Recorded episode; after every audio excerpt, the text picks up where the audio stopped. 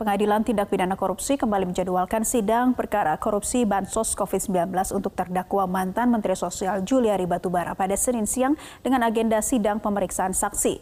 Jaksa penuntut umum KPK menghadirkan dua orang saksi dalam sidang kali ini. Informasi selengkapnya akan disampaikan rekan Humaira Balkis dari Pengadilan Tindak Pidana Korupsi Jakarta. Balkis, siapa saja saksi yang dihadirkan pada sidang kali ini? Dua orang saksi yang dihadirkan oleh Jaksa Penuntut Umum atau JPU KPK dalam sidang perkara korupsi bantuan sosial COVID-19 wilayah Jabodetabek siang ini adalah pejabat Kementerian Sosial yaitu Victorio Saud dan Sanjaya yang merupakan sopir dari Mateus Joko Santoso. Sidang untuk mendengarkan keterangan saksi dari Victorio Saud sudah berakhir dan saat ini yang masih berlangsung adalah mendengarkan keterangan dari Sanjaya. Sanjaya adalah sopir dari Mateus Joko Santoso yang merupakan terdakwa lain dalam perkara korupsi bantuan sosial COVID-19 yang diselenggarakan oleh Kementerian Sosial yang diselenggarakan oleh Kementerian Sosial. Dalam sidang, majelis hakim mendalami tugas dari Sanjaya sebagai sopir dari Mateus Joko. Majelis hakim ingin tahu apakah Sanjaya mengetahui teknis dugaan pemberian uang yang dilakukan oleh Mateus Joko kepada Juliari Batubara yang merupakan mantan Menteri Sosial. Dalam sidang, Sanjaya mengakui bahwa ia kerap kali diminta oleh Mateus Joko untuk mengirim atau mengantar uang kepada beberapa pihak, baik itu melalui transfer atau mengantarkannya secara langsung. Salah satu transaksi yang diakui oleh uh, Sanjaya dalam sidang adalah ia pernah mengirim uang senilai 40 juta rupiah yang dikirim melalui transfer ke rekening atas nama saudara Eko yang ia ketahui bahwa saudara Eko Eko tersebut merupakan ajudan dari Menteri Sosial saat itu, yaitu Juliari Batubara. Uh, kemudian untuk sidang mendengarkan keterangan dari Sanjaya hingga saat ini masih berlangsung. Berikut uh, pengakuan dari Sanjaya dalam sidang pada awal persidangan dimulai tadi. Caranya bagaimana saudara diminta untuk menerima titipan? Uh, saya standby dan Bapak menelpon saya untuk ketemu seseorang dan ambil titipannya. Itu aja, Pak. Oke. Yang menentukan atau menunjuk tempat pertemuan itu siapa? Uh, dari, Pak Joko? Ya. Pak Matius? Ya betul, Pak. Jadi saudara diperintah melalui telepon? Iya. Setelah saudara menerima uang itu, uang titipan itu, saudara bawa ke mana uangnya? Biasanya diperintahkan ditaruh di mobil, Pak. Taruh di mobil. Oke, setelah taruh di mobil, uh, saya kembali ke tempat uh, biasa saya standby. Saudara kembali ke tempat? Iya, Pak. Di mana biasanya saudara? Di ruangan ULP, Pak. Di apa? Di, di, di ruangan ULP. ULP? Iya, Pak. Oh, ada ruang ULP, saudara di situ? Iya, Pak.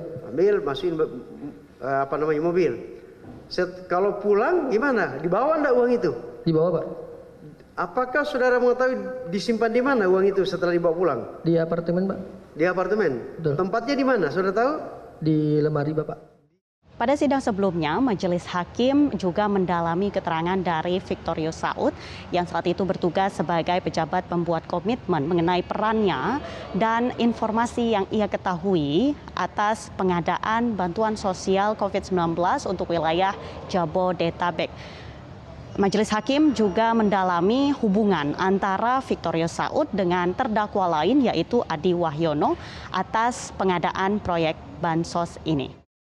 75 pegawai KPK yang dibebas tugaskan karena gagal dalam tes wawasan kebangsaan melaporkan anggota Dewan Pengawas KPK Indrianto Seno Aji karena dinilai melanggar kode etik terkait dengan surat keputusan pembebas tugasan pegawai. Direktur Pembinaan Jaringan Antar Komisi dan Instansi Sujanarko menuding Indrianto tidak netral sebagai dewas. Indrianto dinilai berpihak ke pimpinan KPK dalam pembuatan surat keputusan pembebas tugasan para pegawai, juga ikut campur tangan dalam pembuatan surat keputusan yang menimbulkan polemik tersebut. Sujarnarko meminta Dewas untuk bersikap adil dalam menyikapi kasus yang ada di internal KPK ini. Pelaporan anggota Dewas KPK Indrianto ini juga diikuti penyidik KPK Novel Baswedan, juga Direktur Sosialisasi dan Kampanye Anti Korupsi KPK Giri Supradiono.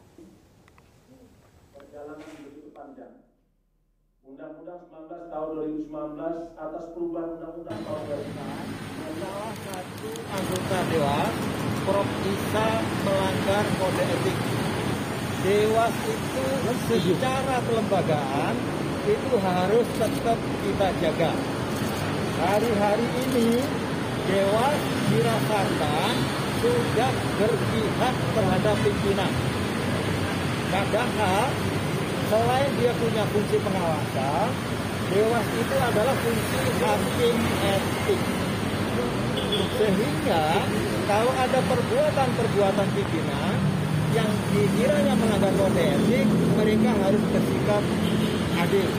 Pemerintah Kota Surabaya mengimbau kepada masyarakat yang masuk Kota Surabaya untuk membawa hasil negatif tes PCR yang berlaku satu hari untuk mencegah penyebaran COVID-19. Untuk informasi selengkapnya akan disampaikan oleh Fatma Ayu yang melaporkan langsung dari Surabaya. Fatma, bagaimana aturan selengkapnya yang diterapkan pemerintah Kota Surabaya jika ada warga yang masuk ke Kota Surabaya?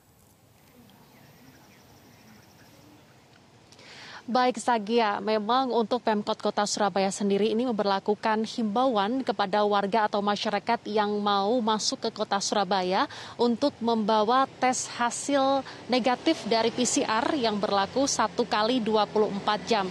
Sementara itu Pemkot Surabaya juga menghimbau kepada masyarakat dan juga warga yang baru bepergian dari luar kota Surabaya Raya seperti Surabaya, Gresik, dan Mojokerto untuk uh, isolasi mandiri selama lima kali atau lima hari yang memang dipantau oleh RT RW setempat. Dan sekali lagi aturan tersebut masih berlaku atau berlaku himbauan dan tidak tertulis. Dan berikut merupakan kutipan wawancara kami dengan Wali Kota Surabaya, Eri Cahyadi. Tanggal 17 kan aturannya ketat. Kalau masuk ke Surabaya atau keluar ke daerah masuk ke daerah lain harus bawa swab PCR atau antigen yang berlaku satu hari kan. Nah setelah itu memang harus satu harus bawa itu.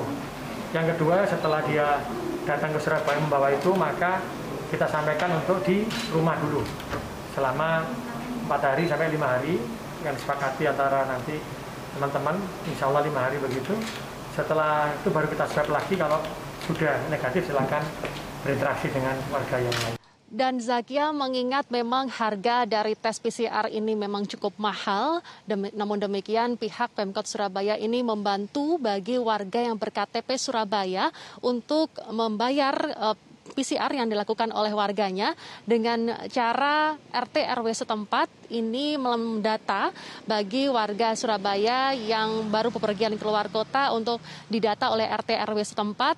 Lalu data tersebut diserahkan ke puskesmas. Untuk selanjutnya dilakukan tes PCR untuk uh, bagi warga yang berKTP Surabaya.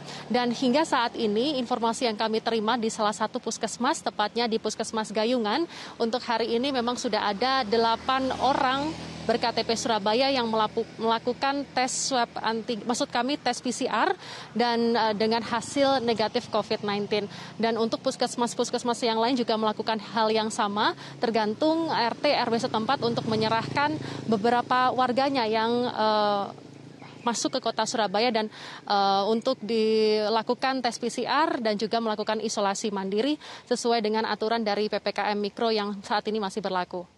Iya, Fatma kemudian bagaimana dengan penerapan aturan untuk menunjukkan swab PCR di lapangan? Ya, saat kami memantau yang ada di lapangan, seperti misalnya di terminal ini uh, untuk petugas yang memeriksa dari kendara dari warga atau per, para penumpang dari bus untuk turun ke terminal, ini memang tidak ada pengecekan uh, tes PCR ataupun juga tes antigen swab. Begitupun juga yang ada di uh, daratan atau seperti uh, di jalanan di pos-pos checkpoint untuk kendaraan roda 2 dan roda 4, memang uh, petugas juga tidak meminta masyarakat Surabaya ataupun juga masyarakat di luar plat nopol L maupun W yakni Surabaya Raya untuk menunjukkan uh, negatif COVID-19 terutama tes PCR. Namun demikian untuk bandara sendiri ini juga uh, tes PCR memang menjadi salah satu uh, poin uh, untuk bisa melakukan perjalanan di udara. Namun untuk di daratan sendiri seperti kendaraan roda 2 maupun roda 4 selain uh, tidak menunjukkan tes PCR namun dari pihak petugas sendiri ini menyediakan tes swab antigen secara gratis dan secara acak yang ditujukan kepada uh, warga yang memiliki kendaraan di luar plat nopol L maupun plat nopol W. Dan sementara ini informasi yang kami terima hingga dua hari pelaksanaan tersebut dilakukan ada 80 orang penumpang atau pemilik kendaraan yang dites swab antigen dan hasilnya negatif COVID-19. Sementara itu menurut informasi yang kami terima dari pakar epidemiologi Universitas Erlangga bahwa uh, tes swab antigen ini tidak cukup kuat untuk dilakukan tracing apakah masyarakat atau warga ini benar-benar bebas COVID-19 atau tidak dan tes swab antigen ini hanya berlaku seperti screening cepat saja. Namun demikian yang berlaku uh, lebih efektif dan lebih akurat adalah tes PCR dan menurut informasi yang kami terima dari ahli epidemiologi ahli uh, ahli epidemiologi Universitas Erlangga bahwa uh, untuk tracing yang ada di Indonesia ini memang cenderung berkurang, terutama yang ada di Jawa Timur sehingga dihimbau oleh dihimbau kepada Pemprov maupun Pemkot setempat untuk melakukan uh, tracing yang cukup akurat dan cukup banyak begitu seperti tes PCR yang dilakukan uh, oleh Pemkot maupun Pemprov. Jaksa penuntut umum KPK menghadirkan saksi yang memberatkan mantan Menteri Sosial Juliari Batubara dalam sidang lanjutan kasus dugaan korupsi bantuan sosial COVID-19 di Pengadilan Tipikor Jakarta. Juliari Batubara sebagai terdakwa turut hadir dalam sidang kali ini. Jaksa KPK menghadirkan sejumlah saksi dalam sidang lanjutan kasus dugaan korupsi dana bantuan sosial COVID-19 dengan terdakwa mantan Menteri Sosial Juliari Batubara. Salah satu saksi yang dihadirkan adalah pejabat pembuat komitmen PPK Direktorat Perlindungan Sosial Korban Bencana Sosial Kementerian Sosial, Victorius Saud Hamonangan. Ketua Majelis Hakim Pengadilan Tipikor Jakarta, Muhammad Damis, sempat mencecar saksi terkait rapat-rapat yang dihadiri oleh Juliari saat masih menjabat. Dalam kesaksiannya, Victorius mengaku pernah hadir dalam rapat di rumah dinas Menteri Sosial di kawasan Jalan Widya Chandra, Jakarta. Victorius menyebut dalam rapat tersebut dibahas bagaimana mempercepat pengadaan barang saat itu vendor masih sedikit, sementara wilayah yang harus ditangani banyak. Jadi dana hibah itu, dana hibah itu kan eh, persetujuannya memang harus dari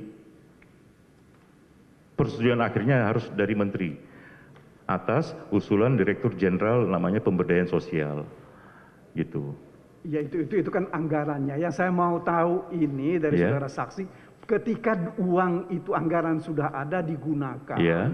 apakah itu diserahkan kepada mereka semua yeah. atau harus menunggu persetujuan menteri dulu untuk menggunakan anggaran itu sepengetahuan saya tidak pak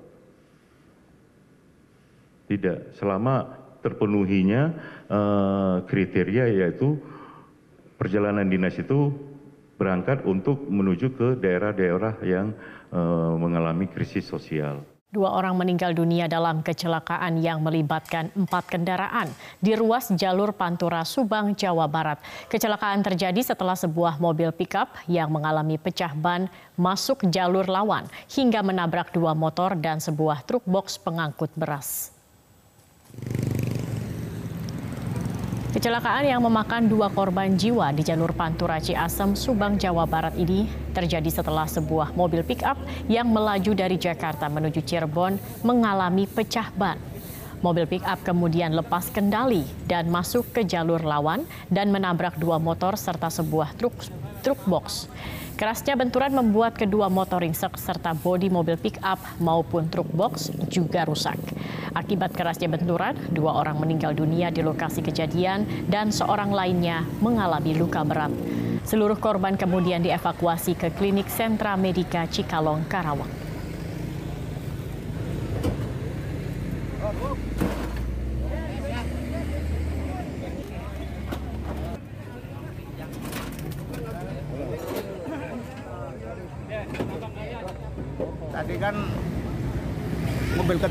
Terbang dari arah barat terbang ke sini. Oh, lintas jalur ini. iya, pas saya Ah. Bapak sih tetap dari jalur ini, Pak ya? Iya. Ya. Iya, nyebrang atem ini. Ah. Kalau ke kiri gitu. Oh, berarti kena motor dari dari Ya, sini mungkin. juga. Pak, kelihatannya tadi ada korban berapa, Pak? Ini, Pak? Sebelah situ satu, sebelah situ dua kayaknya.